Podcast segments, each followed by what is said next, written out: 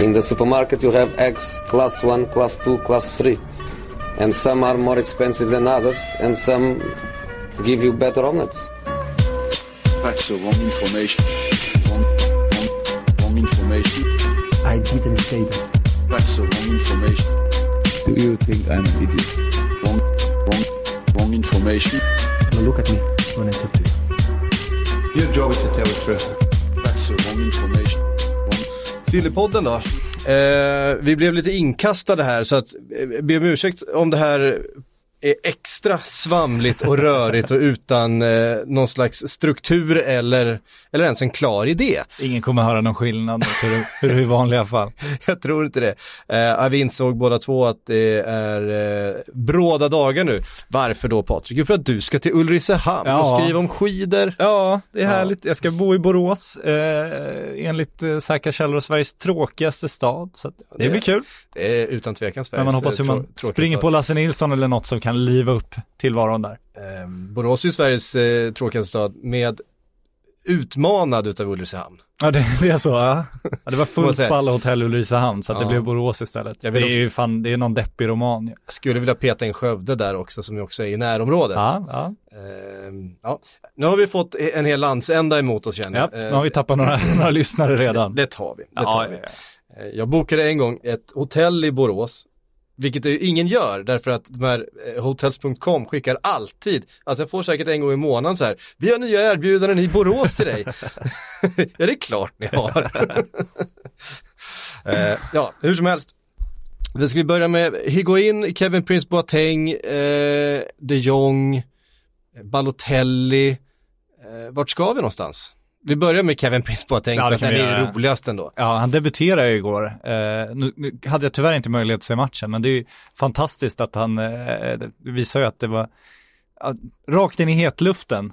Det är otroligt. Ja, det är otroligt. Det var väldigt förvånande. Samtidigt när man, första reaktionen är vad, vad är det som pågår? Hur är det Mm. möjligt? Vad, hur tänker de här? Sen, men sen när man funderar så är det ju en ganska logisk värvning egentligen för alla parter på ett sätt. Och då pratar jag bara om två parter, för jag struntar full- fullständigt i Kevin Prince gamla italienska klubb. Sassuolo.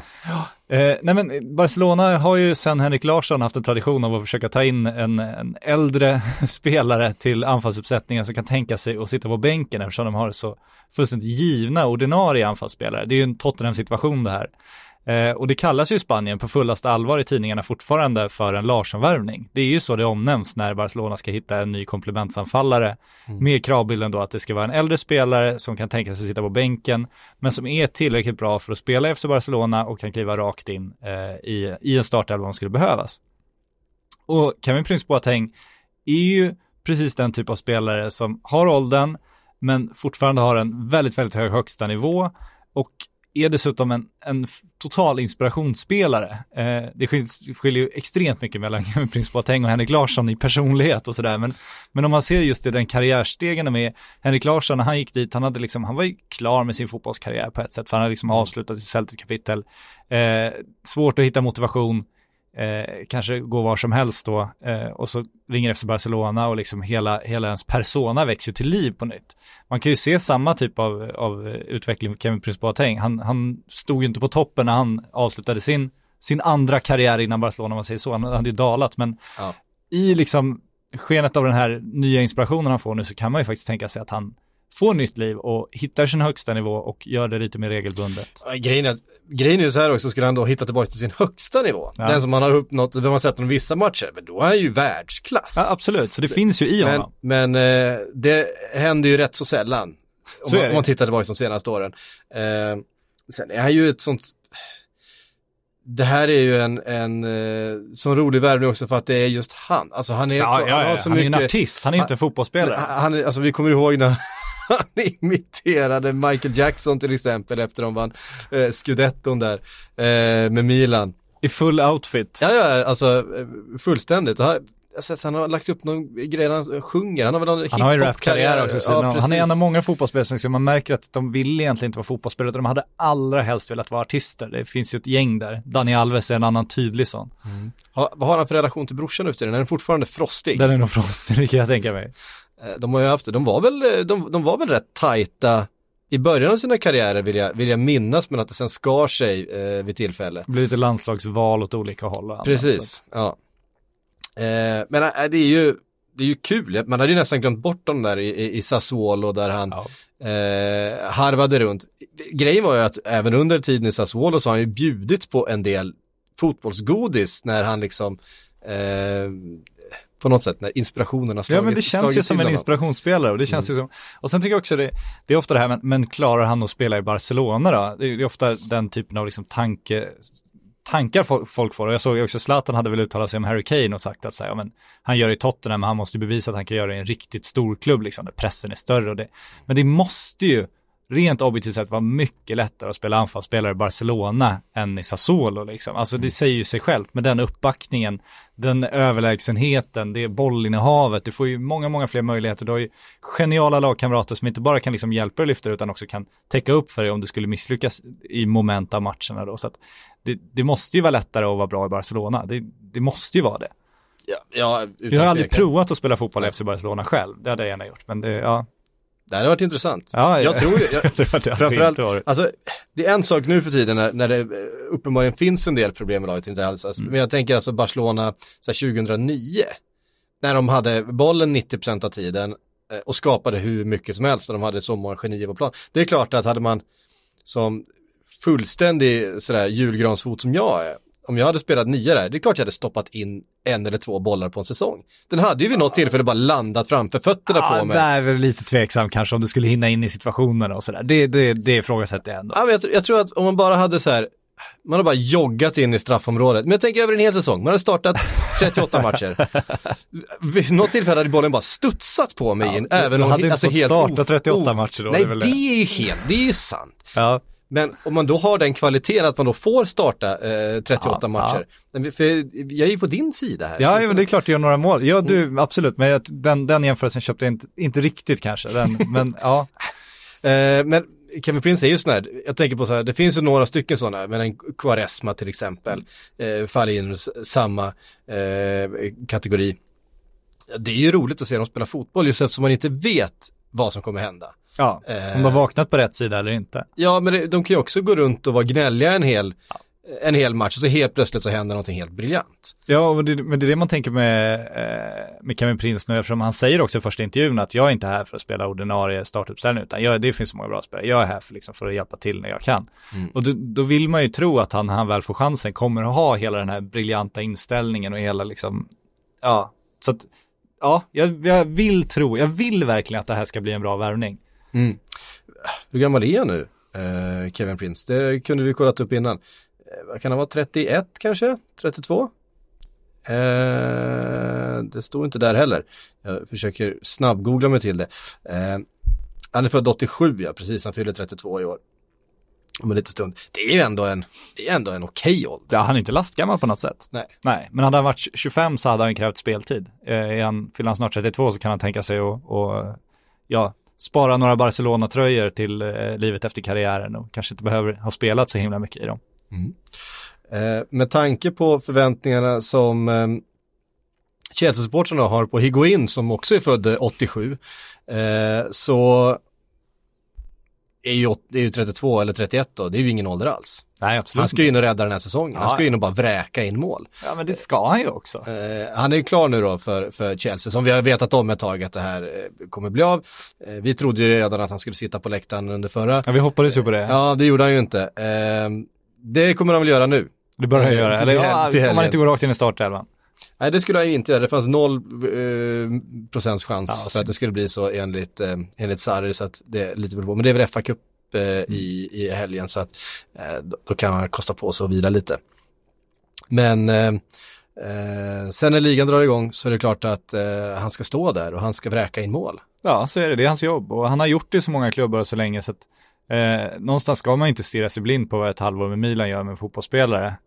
Jag tror också att Återigen lite inspiration, kanske ett lyft. Milan var trots allt, det kan, kan nog ingen, varken Milan-supporter eller någon annan, säga någonting om att det var ett steg ner från Juventus. Han blev ju bortputtad när Ronaldo kom och jag vet inte med vilken, vilken inställning han egentligen åkte till Milano och hur sugen han var på, på att prestera där egentligen. Så det känns som, Chelsea under Sarri borde ju ändå bli ett lyft. Premier League, hela uppmärksamheten kring det. Eh, ja, det, det, vi kan ju tro att, att om du kan stå en hel säsong i Barcelona och peta in någon boll borde Gonzalo Higuain kunna peta in någon i Chelsea också. Mm, jag smsade med en kompis som är Chelsea-supporter igår. Jag tippade på att han skulle göra fem ligamål eh, resten av den här säsongen.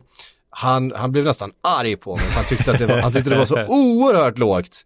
Men då måste man se, vad har man för förväntningar? Alltså han gjorde, förra säsongen gjorde han 16 mål för Juventus i ligan. Eh, skulle han ha samma snitt då i Chelsea resterande tid, av, då skulle han hamna på sju mål eh, på det som är kvar. Jag tror att han kommer ligga lite under, eh, Chelsea är såklart inte ett lika fungerande lag som, eh, som Juventus eh, just nu. Så, på inget sätt lika dominant heller som Juventus var. Så han har ju tappat lite i målskyttet, han har ju tappat lite i steget och, eh, och sådär. Men däremot, det som jag tror han kommer göra är ju att han kommer få eh, Chelsea att fungera på det sättet som Sarri har tänkt att det ska fungera igen. Eh, Hazard kommer få spela en roll som kommer passa honom bättre, det kommer göra spelarna runt omkring bättre, eh, det kommer göra att eh, William kommer komma till, ett bättre lägen, Hazard kommer komma till bättre lägen. Alltså, jag, jag tror att det är en jättebra värvning just av den anledningen. Sen tror jag inte att Higuain kommer komma dit och göra liksom 12-13 mål på de 16 matcherna som är kvar. Eh, den kravbilden tror jag inte man kan ha heller. Kan han komma in och Chelsea börja spela som det laget som Sarri hade tänkt, då tror jag man ska vara jättenöjda med den här värvningen.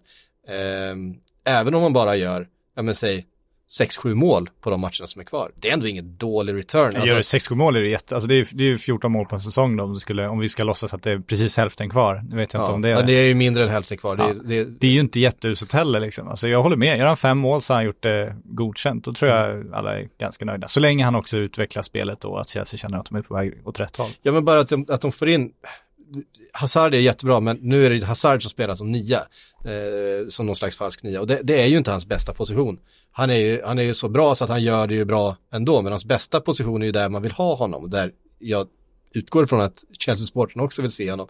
Och han drar sig ut till vänster, även om man ska starta i mitten så drar han sig ut på sin vänsterkant där han, där han gillar att starta. Um, och att han kan få mer boll då där det finns en, en eh, Higuin som då också förstår liksom systemet, alltså han förstår hur Sarri vill uh, att han ska agera.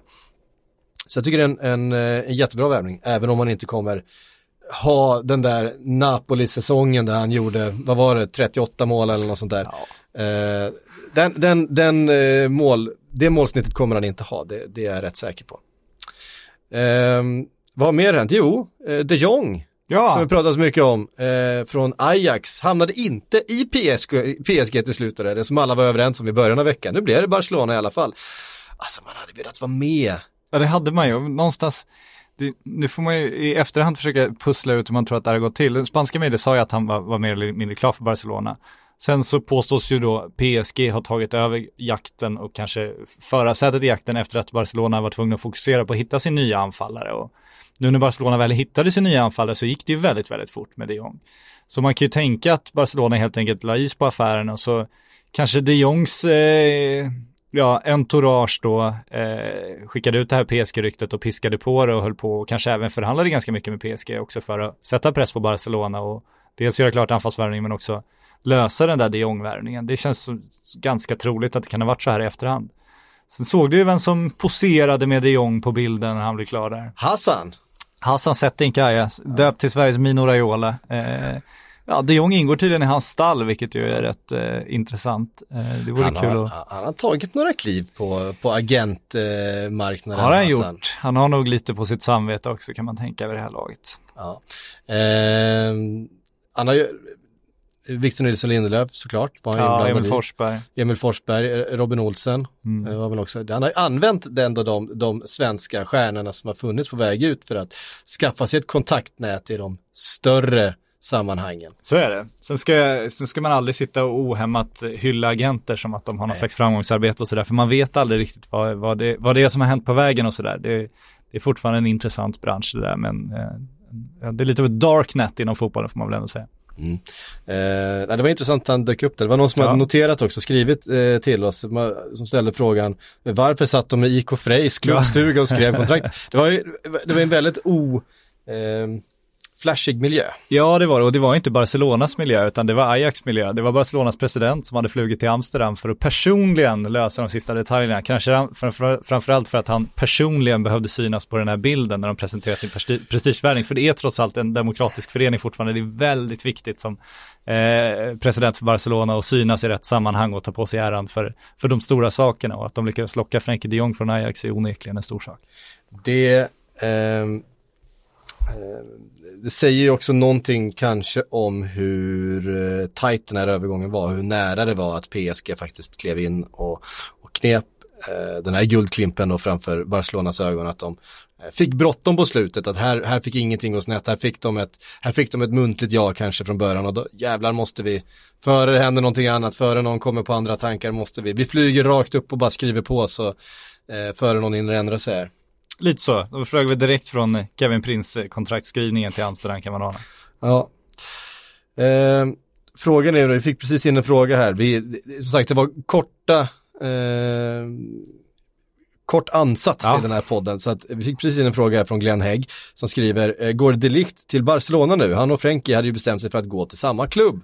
Eh, det där är ju intressant, för det där är ju någonting som de har, verkar ha kommit överens om. Ja, sen sa Eh. vi samtidigt när vi pratade om det förra gången att uppgifterna säger då att Barcelona, eh, det, det var ju det som talade för PSG då eftersom Ja. Barcelona inte är på mittbacksjakt på det sättet. Så att det, jag tror inte att vi ska eh, rista det i sten på något sätt. Ändå. Ja, jag tror mer man ska titta på vad som händer ut i Barcelona, in i Barcelona som effekt av de Jong-affären. Det är en ganska stor transfer och eh, de ska väl signalera väl också på ett sätt att de ska börja bygga om lite och det, det får vi se vilka spelare som eventuellt sitter löst med anledning av det här. Rakitic, Coutinho har det ju pratats om. Ja. Eh, det blir väl mer spännande på det sättet tror jag.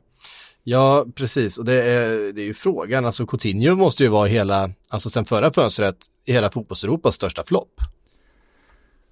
Ja, Alltså han köptes för 1,6 miljarder Ja. och tar inte plats i, i startelvan. ja han får, han får, han får Dembélé hade ju den liksom. titeln innan, han har fått lämna över den kronan nu till sin lagkamrat. Ja, det, hade ju- det är ju han som har petat honom. Ja.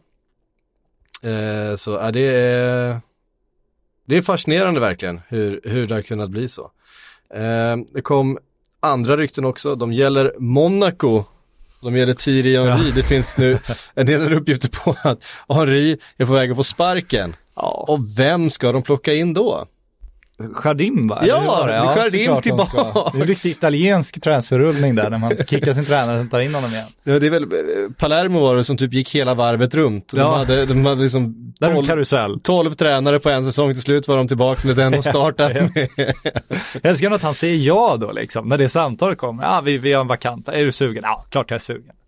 Upp på hästen igen. Ja, Ja, nej, vi har ju redan, jag har ju redan raljerat kring Henri och utnämningar av tränare som jag tycker saknar eh, tillräcklig erfarenhet framför allt. Eh, och ja, han kan väl bli ett exempel på det. Mm. Ehm, vi har en annan eh, ganska intressant. Dortmund har ju släppt eh, Pulisic som kommer gå till Chelsea i sommar. Ehm, nu har de enligt eh, flera engelska medier ställt in siktet på Wilfried Zaha från eh, Crystal Palace. Eh, det, Dortmund, ja, Dortmund. Alltså det vore ju intressant om de knep en till. Visst, han spelar för Elfenbenskusten men han är ju en engelsk eh, fotbollsspelare från början. Och ehm, den här tyska trenden att Tyskland också tittar på, vi har ju sett en tysk trend att det har varit mycket tyska tränare som har lämnat. Eh, vi fick en precis nu i, i, eh, i Huddersfield. Eh, det har kommit mycket tyska spelare som ett resultat av det eh, till Premier League, men det har också liksom skett åt andra hållet. Vi har sett utlåningar till Tyskland, vi har sett rena affärer till Tyskland utav engelska spelare. Det var väldigt intressant om eh, Wilfried Zaha som ju är en av de mest spektakulära spelarna i Premier League får man säga, eh, skulle lämna och gå till just Dortmund. Trots är att det Tyskland finns så, så mycket intresse Holland? från... Är det så? Nej, Tidigare hade man ju sina Vitesse-samarbeten och sånt där, det har man väl fortfarande. Men, ja men här är frågan om någonting annat ser du. Ja, de är Eh, bättre ju. Ja, de är bättre. Det är inte samarbeten heller. Det här är ju någonting som sker lite grann mot de engelska klubbarnas Ja, vilja. Eh, här är det snarare snarare blivit så att det, det har blivit ett, ett visst överskott på, på engelska fotbollsspelare. Eller snarare topp 6-klubbarna har så pass ofantligt mycket pengar nu så att de plockar ju precis vilka de vill vara från hela världen och att de här som ändå är topp 6 kvalitet som Wilfried Zaha är. Ehm, det kanske inte finns en naturlig plats för honom i något av de här lagen, för de har fyllt på kanske med en spansk talang eller med brasiliansk eller vad som helst. Eller fransk för den delen. Ehm, och då kan Bundesliga och de klubbarna där vara ett, ett bra, du kan få komma till en stor klubb, eh, du kan tjäna hyfsat med pengar, eh, du kan få spela Champions League och du kan faktiskt vara ett konkurrent, komma till ett konkurrenskraftigt lag i Europa som Dortmund ju ändå är. Eh, Och du kommer till klubbar som säljer spelare till Real Madrid och Barcelona. Och... Exakt, och, och den dörren är på inget sätt stängd. Det som händer om du, men jag säger att Salah, eller Zaha skulle gå till Eh, nej, men till Chelsea nu då istället. Han skulle få en lön som väldigt svårt skulle kunna matcha om han skulle vilja säljas vidare. Eh, han är heller inte garanterad Champions League-spel varje år eftersom eh, det är sex klubbar som slåss om det och det, är det är tuffare. Och han är väl lite bränd också kan man kanske tänka efter. Och dessutom är han ju bränd från eh, sessionen i Manchester United. Eh, det tror jag kanske inte spelar så mycket stor roll. Jag tror inte han går tillbaka till just Manchester United. Eh, men däremot skulle han ju absolut kunna gå till ett Arsenal eller Chelsea. Eh, och eh, nu är han tillräckligt bra. Ja, ja, ja, jo men det, ja, det håller jag med om. Eh, på tal om eh, inspirationsspelare då, det, Ja. där kan vi nästan stoppa in eh, Wilfried Zaha också. Han har ju lite den tendensen, även om jag tycker att han har hållit en ganska jämn, hög nivå senaste säsongerna. Eh, Mario Balotelli, Ja. är han inspirationsspelarnas inspirationsspelare? Han till och med ett strå vassare än Kevin Prince. Ja, det är ju. Eh, jag, tycker, jag älskar den här, det var väl Johanna Frändén som skrev på Twitter angående Marseilles värvning nu av Mario Balotelli. Att det är en intressant take på att försöka släcka en brand med eld. Eh, någonstans där är det väl det som händer i Marseille just nu. Eh, det är väl eh, historiskt sett kanske en av Europas stormigaste klubbar. De är i en stad som är tungt kriminellt belastad och som är faktiskt inte är helt trygg att vara i kan jag säga av erfarenhet. Eh, väldigt konstigt ställe det där. Simon Banke är fullständigt förälskad i det av någon anledning. Flanerar han runt och känner sig som en Så gangster. det gör han ju inte, det är ju inte dit han åker. Han, det, det är ju dit han åker ibland. ja, och Annars alltså, mår han ju bäst de- i Nice där det är Ja, lite, tryggare. Exakt, Ja. när, han, när han bosätter sig, de åren han har liksom spenderat Ja. i, i Frankrike har han ju inte bott i Marseille. Nej, nej, nej, men han är ju lite som de här, de här eh, anglofil, de, de riktiga engelska anglofilerna, de här som liksom talar om den engelska arbetarklassen och sen åker och bor i Notting Hill liksom. Det är ju, det är ju där han är, fast det är franska motsvarigheten. Ja, fotbollens Andres Locco. Exakt så. Snyggt att du tog den. Eh, ja, nej, det kan vi nog utnämna honom till. Ja men eh, den svenska fotbollsjournalistikens Andres Alldeles Locco, det är, det är ju Simon Bank. Tveklöst. Ja. Ja. Ja. Ehm, men det är ju intressant med Marseille också för att de är ju ett, ett galet lag. ja. Eh, och de är ju roliga på det sättet och, och, och Balotelli har ju gjort det helt okej. Ja, ja, var- I just Nice. ja, Eh, inledningsvis i alla fall. Ja, jo, absolut. Nej men det är apropå hög högsta nivå och så vidare, det är klart att det, det finns mycket där. Man, men man blir så frustrerad med de här spelarna, alltså det är ju som Antonio Casano, han sa ju senast den här veckan igen tror jag, att, så här, att Totti hade sagt att jag bara spelar på, har sagt att jag bara spelar på, vad är det, 35% av min kapacitet. Och han säger själv, så, ja, om jag hade skött allting rätt, då hade jag liksom varit världens bästa fotbollsspelare, säger han. Och det är ju inte så många som man kan, kan argumentera med, med det. Alltså, han hade ju tveklöst varit en av världens bästa fotbollsspelare eftersom han nådde så, långt, så långt utan att egentligen göra någonting rätt. Eh, och Balotelli är också den typen av spelare. Man undrar om de kommer sitta sen när de är 40 år och titta tillbaka och bara tänka så här, om, om poletten någon gång trillar ner och man bara känner att så här, fan vad jag bara slösade bort precis allting liksom. För det är ju Balotelli, det har han gjort hittills. Ja, visst är det så. Det är inte så att man kan inte, man kan inte anklaga honom för att inte ha fått chansen. Nej, nej, det kan man inte göra. Nej, det har han fått. Och den får han nu igen. Men man hoppas ju någonstans, eh, ja han får väl sitta, man får väl tänka att Marseille är liksom den ultimata stormen och så kanske han i centrum av det här stormen då äntligen kan finna lugnet, om vi ska vara lite poetiska. Ehm, ja, vi får väl se. Alltså, vi minns ju senast, alltså Balotellis eh, förehavanden nere i Neapel till exempel, där det också finns en Ja. del kriminella element Ja, eh, som han... Eh, men där trivs han ju. Han trivs i Neapel. Som, som han trivdes med. Det, den typen utav, utav element finns ju också i Marseille. Ja, Eh, som sagt, vi, vi, kan väl, vi får väl se hur det hela, kanske lånar han ut eh, sin Lamborghini. Eh, för, en, för en busåkning genom stan. Eh, man vet aldrig. jag vet aldrig. Apropå stökig klubb, jag har någon, en liten bonusinfo till dig här. Eh, vart gick Dembaba någonstans? Jo, åh för fan, han gick ju, jag såg ju det, han gick ju till, var det Besiktas? Nej, Eh, det är ju nära i alla fall, det är ju Turkiet. Ja. Eh, Galatasaray då. Nej, Istanbul ba Basaksehir. Jaha, den där jävla klubben. Ja. Alltså, eh, vilka, Erdogans... vilka, kommer, eh, vilka kommer han spela anfallare med? Adebayor där. År Ja. och Och fan, nu vart det svårt. Um, Adebayor, oh vem fan var det? Åh! Eh, pff, fan nu står det, nu är det svårt, nu är det svårt. Nej, du får säga. Robinho. Robin! Och vilka har på mittfältet? Ja, vi har ju sett det här laget. Det här är ju, det här är ju då laget som då är, är inofficiellt och sponsrat av den turkiska regimen. Ja, lite så. Eh, så är det ju. Ja, men eh, han är väl där. Eh, Grundade i en nybyggd stadsdel som eh, president Erdogan då liksom startade, grundlade och finansierade, under sin tid som borgmästare i Istanbul också. Mm, precis. Eh, nej, men han är ju där, eh, den här jävla galningen som var i Barcelona innan Atletico Madrid. Arda Turan, ja. Arda Turan. Han är där. Eh, Gökhan Inler är där. El Giro Elia är där. Emre, 38 år, lagkapten. Algiro Elia, fan det är ett Ja. sånt där namn man har. liksom Gal spelar i försvaret. Precis. Ja. Spännande. Leder turkiska ligan. På väg mot Champions League. Ja, eh, det kommer ju, det är precis, det är precis vad europeisk fotboll behöver. Ja, så är det.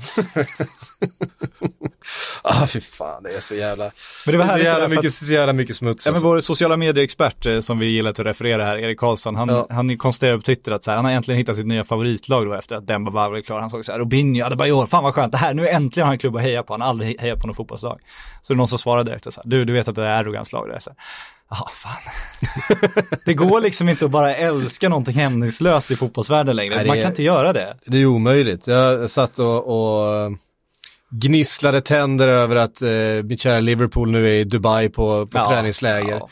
Eh, såklart de är. Men det är klart de är. Ja. Känns så jävla onödigt bara. Ja, det är så jävla onödigt. Ja. Det, jag ah, fattar inte varför man inte kan eh, hantera det. På Sen blev, blev jag också så här omotiverat provocerad av att Chelsea i sin presentationsvideo för Gonzalo Higuain liksom fokuserar på tunnelbanan där, att det är den man tar till arenan och sådär. Och det, jag, jag fick ju mothugg där på Twitter också, det kan, det kan ju köpa för att det var ju en överdriven reaktion, men just det här avståndet mellan supportrar och klubben har blivit så enormt och när klubben då där uppe på sina allra högsta hästar någonstans ska flörta med supporterskapet allra längst ner, det känns, det, det, det, ja, det skaver gör det. Ja, det gör det. Eh, samtidigt är ju där, det är ju där kommunikationen oftast betyder någonting ju. Det ju Jo, det är det som slår an oss, men det blir också så cyniskt på något sätt när man vet att klubbägarna aldrig någonsin satt sin fot i tunnelbanan och ja, jag vet inte vad, ja, jag tror inte spelarna någon, Peter Cech åkte väl tunnelbana någonstans, det finns ju annars en klassisk anekdot när Stefan Schwarz under sin tid i Arsenal spelade en landskamp i,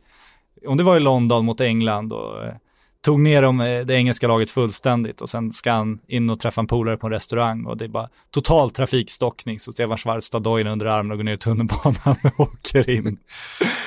De brittiska ju inte- fotbollshuliganerna står bredvid och tänker, fan är det inte, ja men fan det är väl, ah, fan det är ju han ju. Ja.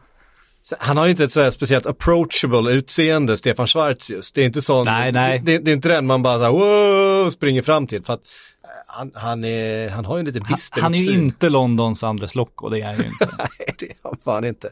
Eh, däremot så vet vi att Manchester United åker tåg ibland. Ja det gör de, det vet Eh, vi också. För det var en, eh, det var på Twitter som det spreds en eh, väldigt rolig tråd. En, en australiensisk fotbollssupporter som hade varit i kontakt med sina föräldrar och de, eh, ja, det går helt enkelt ut på att, att eh, de skriver att det var några som var lite högljudda och spelade Uno på tåget vi var på. Eh, så de hade väl bett dem typ att eh, tysta ner sig lite grann och sen så hade några ur det här gänget gått fram och frågat, och bett om ursäkt och frågat om de ville ta en bild.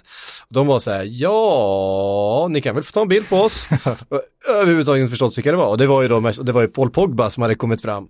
Eh, var på den här Manchester United-supporten till son sen blev varse eh, och skrev ett väldigt roligt eh, eh, Twitter-tråd om eh, som sen då plockades upp av Manchester United själva.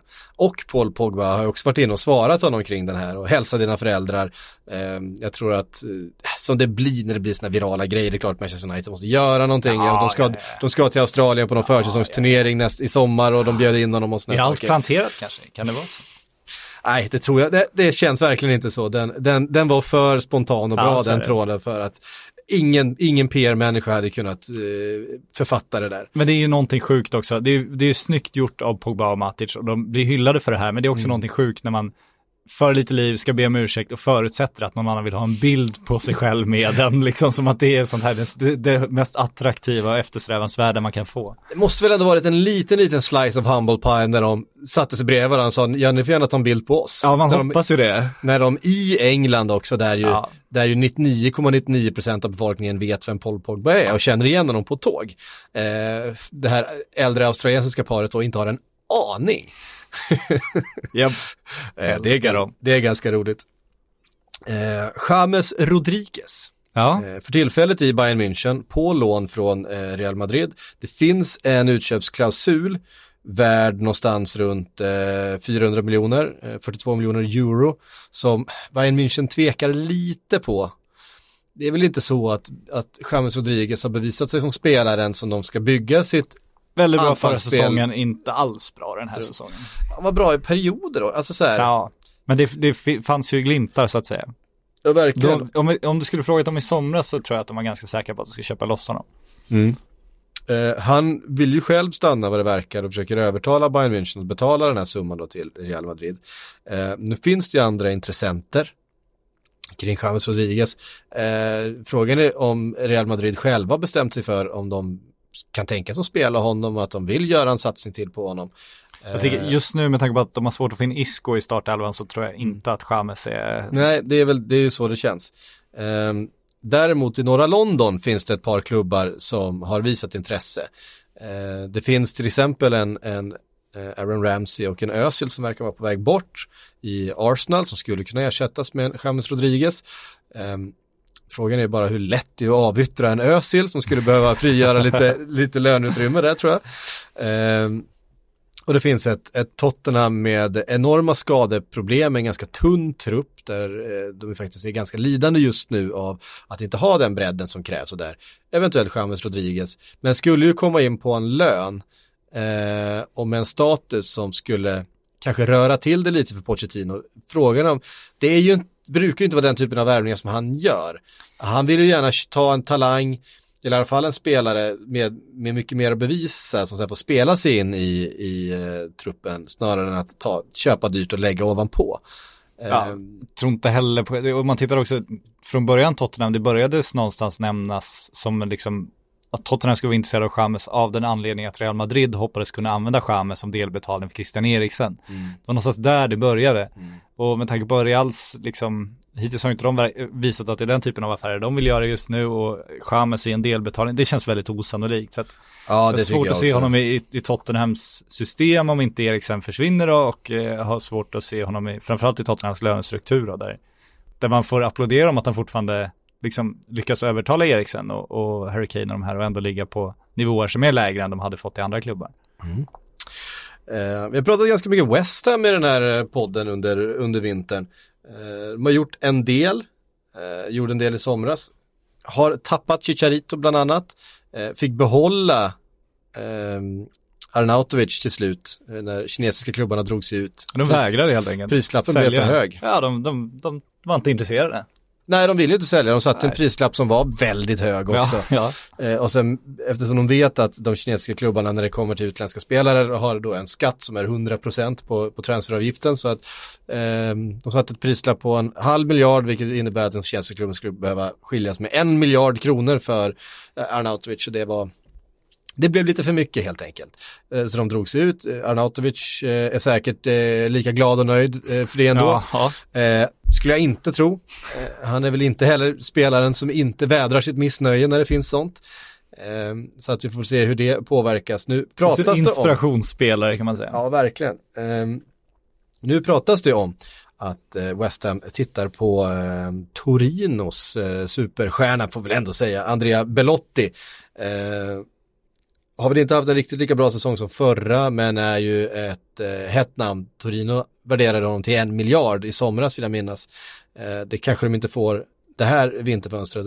I vilket fall som helst kan West Ham inte betala det, skulle jag tro. Men, ett väldigt intressant namn. Det känns som Och, West Ham, de, de är ju väldigt kåta på stjärnan, är det inte lite så? Det har de ju alltid varit. Ja, det känns verkligen som den typen av, där är inte så här Pochettino och ta någon och utveckla, utan där känns det som det är liksom, ta en stjärna vi råkar ha möjlighet att få och hoppas att han kan prestera på samma nivå igen. Ja, precis. Ehm, nej men det vore ju förstås intressant, men man har ju hela tiden känt att det har funnits, det har funnits mycket inhemskt intresse i Italien för eh, Belotti såklart. Ja, och man vill ju ha den typen av italienska anfall. De ska göra den här Matri-karusellen liksom, där de bara studsar mellan storklubbarna i Italien. Det är någonstans där man vill ha dem. De ska fan inte gå till Premier League. Mm. Det känns inte bra. Ehm, ska säga här att eh, Tutto Sport skriver, eh, skriver det här. De Ja. går inte alltid att lita på. Ehm, men, Men vi eh, måste ju ta upp Bayerns värvning idag, apropå Italien också. Den är ändå intressant. ja, Eh, jag ser att de skriver här också att, att eh, affären är avhängig att det är anfallsspelare på väg ut då från, eh, från West Ham och då antar jag att det är Arnautovic i sådana fall. så de ska finansiera det i så fall. som, som ska, eh, precis. Ja. Och det är klart att lämnar Arnautovic så är Belotti en fullgod ersättare så det, det eh, vore ju inte så dum affär för, för West Ham kanske.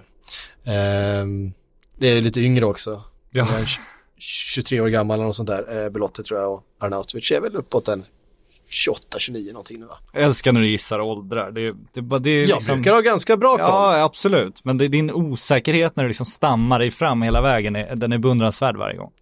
Eh, ja, vad ska jag säga? Nu snor jag ordet här och Ja. pratar om Gian- Gianluca va? Sorsi, eh, gamla Roma-keepern. Han var ju en formidabel succé för AFC förra året när de tog sig upp i allsvenskan faktiskt. Han satte väl rekord, i- klubbrekord antal hållna nollor och gjorde väl någon avgörande räddning i, i, i kvalet där också. Den sista matchen i serien, ja, något av dem. Eh, sen släppte de ju honom eh, i liksom början av den här veckan var det väl så sent som. Och då hette det att det var familjeskäl att de har gått med på att han, han får gå vidare. Eh, och jag pratade med, med Ryssholm igår, deras ordförande, efter att det första ryktet om Hammarby och Sorsi kommit. Och då var han väldigt försiktig. Eh, han ville inte säga för mycket innan han visste mer, men det, det märktes ju att det bubblade i honom. För att han, han var ju tydlig med att han hoppas att det inte stämmer det här med Hammarby. Och eh, det Sorsi hade sagt till honom innan han, de gick med på att byta hans kontrakt där, eh, det var just att han, ville, han längtade hem. Han ville flytta hem till Italien. Och så går han några dagar och så presenteras han av Hammarby på ett, eh, om, om uppgifterna stämmer nu, jag såg inte exakt bekräftelsen om det stod där, men ett halvårskontrakt med option på ytterligare. Det är ju en infekterad övergång i så fall. Och man älskar ju också om, om eh, långt är det mellan Eskilstuna och Stockholm nu, 10 mil eller någonting. Ja. Om det, om det är liksom avgörande för honom, nej jag längtar hem, jag måste 10 mil närmare Arlanda, det, annars går inte det här. Det är jättekonstigt. Det är jättekonstigt. Eller om agenterna gjorde en superfuling och bara blåste AFC, jag vet inte exakt hur, hur men det, det, finns ju, det finns ju saker under ytan här som vi Ja. hoppas få svar på snart. Eh, de hoppas att du drar fram. Jag har lämnat över det med varm hand till min kollega Simon Sjöstrand. För att du ska till Ulricehamn. exakt. ja, eh, jag gläds Jag gör verkligen med mycket dig. annat också, jag har skrivit om den här turkiska klubben, finns som plusdokument, är väl på väg ut snart hoppas vi. Magiskt. Ja. Eh, Marcus Pettersson skriver, vart landar Rakip? Ja, eh, det jag vet är att det är att Malmö inte är helt överens med Benfica, AIK är helt överens med Benfica, Rakip vill helst till Malmö. Eh, så att om Malmö löser det där så talar väl allt för att han hamnar i Malmö.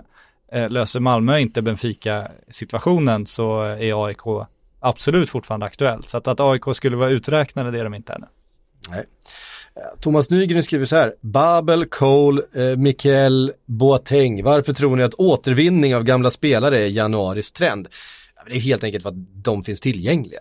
De finns tillgängliga och de har kontrastsituationer som gör att de är tillgängliga. Det är, är, det är inte så många femårskontrakt där. Ja. Eh, Nej, det finns väl en sån regel va? I, framförallt i England tror jag det finns en sån regel. Du får inte skriva hur långa kontrakt med spelare som är över en viss ålder. Ja, det finns i alla fall eh, klubbar som har väldigt starka egna regler om att de inte skriver så mycket. Det var väl Chelsea som hade max ett år om du är över 30 är det väl till och med, som Sarri Ja, var precis, besviken på. Så gjorde att Fabregas försvann och David. Luiz också kan gå.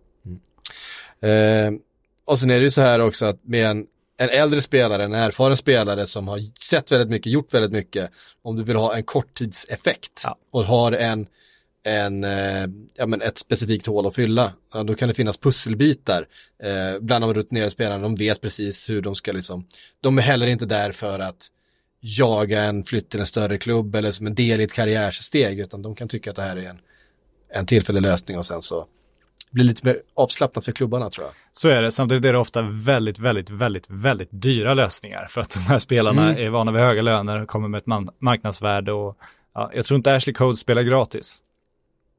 Eh, Cashley. Cashlia. Gratis. Mm. Nej.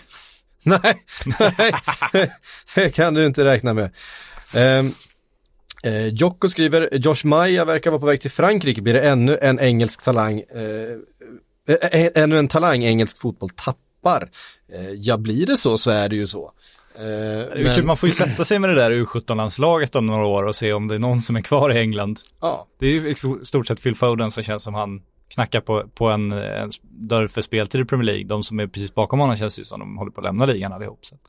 Ja, alltså de är ju så pass bra många av dem att de behöver speltid i seniorsammanhang. Eh, Och det är ju svårt att få i, i England som det är just nu med tanke på hur kortsiktiga alla klubbar har blivit med tanke med alla de här pengarna. Och hur kortsiktiga de på något sätt kan vara. Eh, Så att ja, jag tror att det här är, det här är en trend som kommer fortsätta. Ehm, Det man hade önskat är ju att liksom att engelska supertalanger hade kunnat hamna och bli nyckelspelare i engelska mittenlag. Det hade ju Ja. varit det, det härligaste. Men det, det finns ju en ekonomisk fråga där som gör att det inte är möjligt. Det handlar ju också om att, att de engelska akademierna har blivit så pass mycket större, alltså de stora akademierna, vi pratar Manchester City, vi pratar Manchester United, Liverpool, Arsenal, alltså de här, och Chelsea inte minst, de stora, stora akademierna har blivit oerhört mycket proffsigare, de har blivit mycket, mycket bättre, större, större de har ett mycket mer eh, aktivt scoutingnätverk som de använder sig av. Eh, vilket då också gör att att eh, samtidigt som de här lagen har blivit så oerhört mycket bättre än de sämre klubbarna i England. Alltså man vill inte skicka eh, tidigare att skicka sin bästa 17-åring till ett topplag i Championship. Det var ju utmärkt. Det var inte så stor skillnad. Han kunde lära sig jättemycket. Vi har ju sett, det så Harry Kane går den vägen med många utlåningar och sådär. Alltså det är så stor, det är så stor klasskillnad ner till Championship eh, nu att bara för att du gör succé i Championship ja men det är inte alls säkert att, att du ens tar en, en bänkplats i ditt ordinarie lag säsongen efter. Du måste till en bättre miljö än vad Championship och även bottenlagen i, i Premier League kan erbjuda. Skillnaderna har blivit för stora och då måste du kanske iväg till Tyskland eller Frankrike som är bättre ligor med, med bättre klubbar helt enkelt än vad, vad som kan erbjudas längre ner i seriesystemet inhemskt. För så var det tidigare, den, den, Ja, ja, ja. det har ju varit jättemycket så, nästan alla eh, Championship eller Vitesse. ja, precis. Och nu är Vitesse också för dåliga. Ja, Vitesse är lite för dåliga så att nu, ja men nu, nu går ju spelarna, jag menar, vi såg Everton liksom skicka eh, Ademola Lukman till eh, RB Leipzig liksom och han gick rakt in i startelvan där men han fick inte sitta på bänken i Everton. Jag skulle hä- hävda att RB Leipzig inte är en så är speciellt mycket sämre klubb än, än Everton egentligen men de har så mycket större resurser att liksom, och, bred, och bredare trupper framförallt att det var så svårt för honom att ta, ta plats där att han eh, skickades på lån till en så pass bra klubb och som var ju i Champions League också förra säsongen väl, eh, RB Leipzig. Och det finns också, RB Leipzig och andra klubbarna har ju de en ganska speciell ägarstruktur får man säga. Men om vi pratar Dortmund och sådär, där finns det ju också en, en väldigt, de är väldigt måna om att ta hand om sina investeringar. Köper de en, en spelare, en ung talang, så, så är det väldigt viktigt för dem att de får utveckling på den talangen för att det är deras sätt att tjäna pengar. De har inte gigantiska tv-pengar, utan för Dortmund handlar det om att utveckla spelare, sälja dem vidare dyrt och återinvestera de pengarna i nya talanger och sen hålla på så.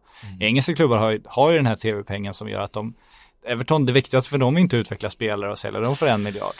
Nej, de kan ju för dem är att jaga, se till att hålla sig i Premier League och, och jaga Champions League. Det är ju liksom det som det handlar om för dem. Så Everton har ju avverkat 200 miljoner kronors spelare Ja. liksom, de se- senaste åren. Alltså spelare som har kommit in, äh, inte varit tillräckligt bra eh, och skickats iväg. Ja. Det hade ju Eh, inte RB Leipzig gjort.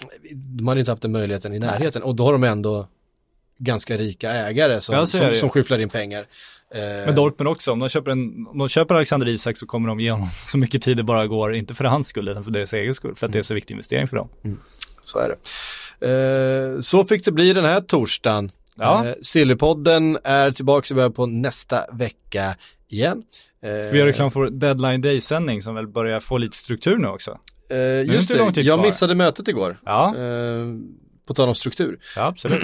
ja men vi kör. Nu, är det- nu är vi tillbaka på allvar. I somras var det ju, det var inte Stökigt. jag här och jag såg ifrån avstånd att det var, ja, det var stökigt. Ja, men det på grund blev- av eh, tidsskillnader och eh, datumsskillnader mellan olika fönster och så vidare. Ja, nu är det ju ett fönster, alltså en, ett datum, nu är det en deadline day. Japp. Så då kör vi ju igen. Japp. Det, som vi, det som vi kan. Eh, så då kommer vi sitta där i soffan och, och kasta godis på varandra och eh, avverka alla rykten som, eh, som dyker upp. Det ska bli kul. Det ska bli kul och det kan vara så också att vi har lite bonusmaterial och någon bonustimme för våra kära pluskunder också som då går Åh, utöver den åh. ordinarie sändningen. Det, eh, det är inte dumt. Det är inte dumt. Nej, faktiskt inte. Extra gott. Det kommer, det kommer bli bra. Jag vet att många av er som lyssnar redan är pluskunder. Eh, så att, eh, this one's for you. Yep. Eh, men, återhörande nästa I vecka. think I worked for 16 years here in England, and I deserve a bit more credit than.